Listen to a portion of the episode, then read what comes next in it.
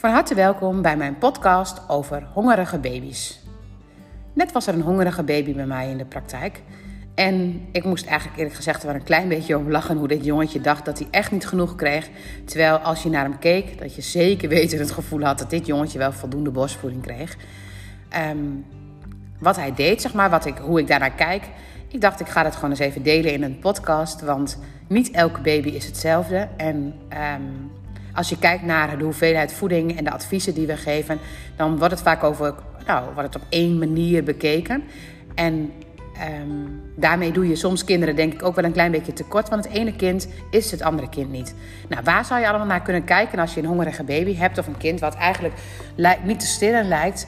Daar ga ik je nu eens even in meenemen.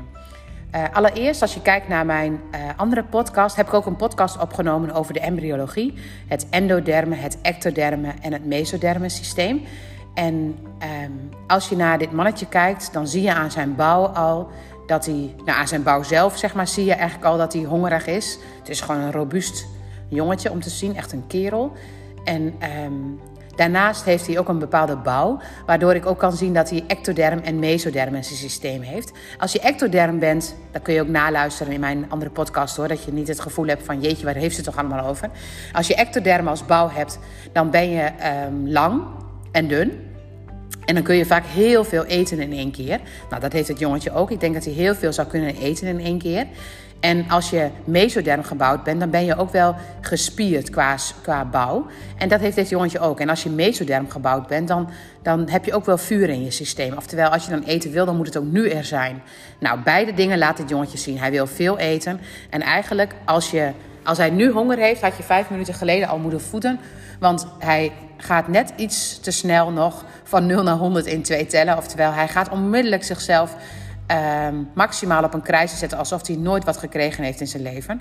En dat zorgt er dan weer voor dat als hij aangelegd wordt, dat hij heel onhandig de borst pakt. En dat hij dus eigenlijk ook meteen al met heel veel lucht de voeding pakt.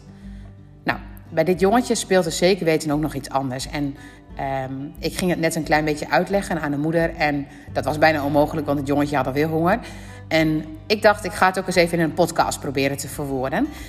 Um, alle imprintingen in ons systeem en uh, dat gaat echt vanaf de conceptie tot aan het moment dat je geboren wordt, of eigenlijk toch nog tot de eerste maanden zeg maar, na de geboorte. Alle imprintingen in ons systeem die hebben heel veel invloed op de manier waarop we gaan reageren later. Ik ben nog dagelijks eigenlijk mijn geboorteverhaal aan het leven. En um, natuurlijk ben ik me daar steeds meer van bewust. En daarom doe ik dingen steeds meer op een andere manier, omdat ik dan denk: oh ja, nee, dat, was, dat kan ook anders. Maar toch hebben we automatisch een soort automatisch systeem. En het automatisch systeem hebben we gemaakt in de zwangerschap, tijdens de geboorte. Of in de zwangerschap en dan tijdens de geboorte. Nou, dit jongetje laat zien als hij ook maar iets van een hongersignaal in zijn lichaam heeft. Dan denkt hij dat hij nou als een wilde moet vechten voor het feit dat hij eten kan krijgen. Oftewel, het lijkt wel alsof hij een hongersignaal koppelt aan.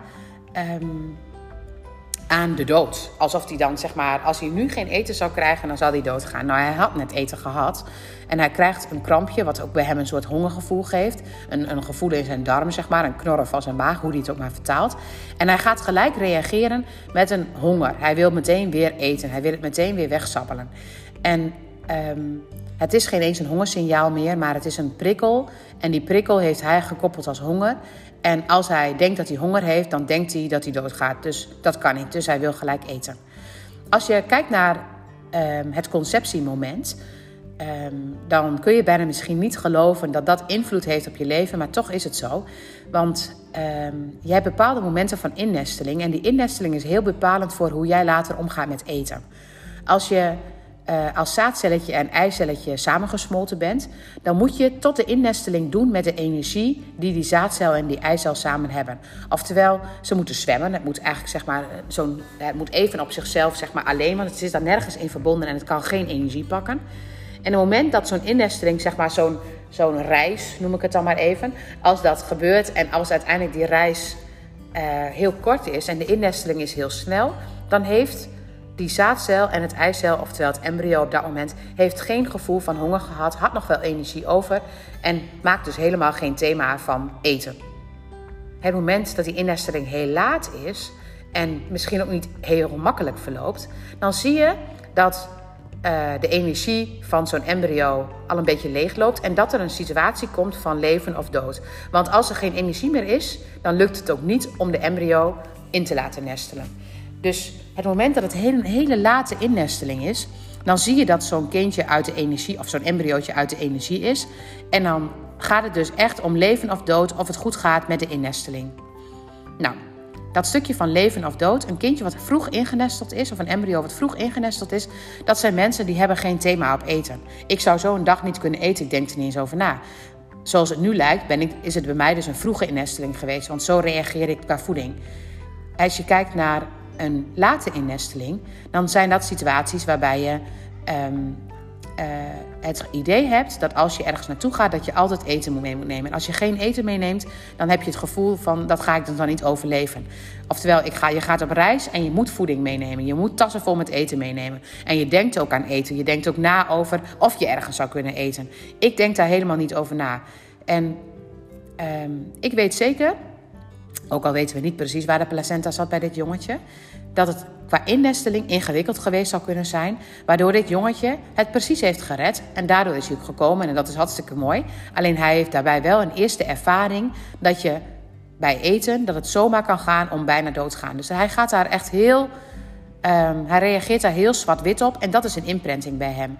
En wat hij dus mag leren, en um, eerst moest hij leren om eigenlijk meer tijd tussen de voedingen te hebben, dat je want hij ging steeds vaker vragen, waardoor hij uiteindelijk gewoon allemaal klachten kreeg van te veel voeding in mijn ogen. Dat hij uh, um, nou, eigenlijk het tijdje niet netjes toeliet. Dat hij heel veel krampjes had, veel lucht. En dan ga je een kindje een beetje tussen aanhalingstekens verliezen door uh, de hoeveelheid voeding die er steeds is.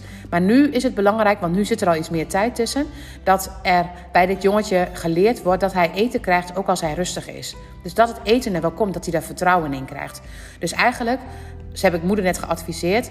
Um, het tegenovergestelde wat ik de eerste keer adviseerde. Want de eerste keer adviseerde ik om juist om er meer tijd tussen te laten. En uh, hem een beetje te rekken. En nu heb ik geadviseerd om hem af en toe op momenten te pakken dat hij tevreden is. Dat hij gaat leren, dat hij zomaar eens eten voorbij zou kunnen zien komen. Want dat is een imprinting die hij nog niet voldoende in zijn systeem heeft. Dat er altijd genoeg is en dat hij genoeg krijgt en dat hij daar niet voor hoeft te vechten eigenlijk is het dus heel grappig. Als je naar een kind kijkt, kun je daar al heel veel um, verhalen uithalen. En kun je ook al heel goed zien wat er precies heeft gespeeld. En waar dan de innesteling precies is. In principe maakt het denk ik bij hem niet zoveel uit. Het verklaart wellicht wel het een en ander.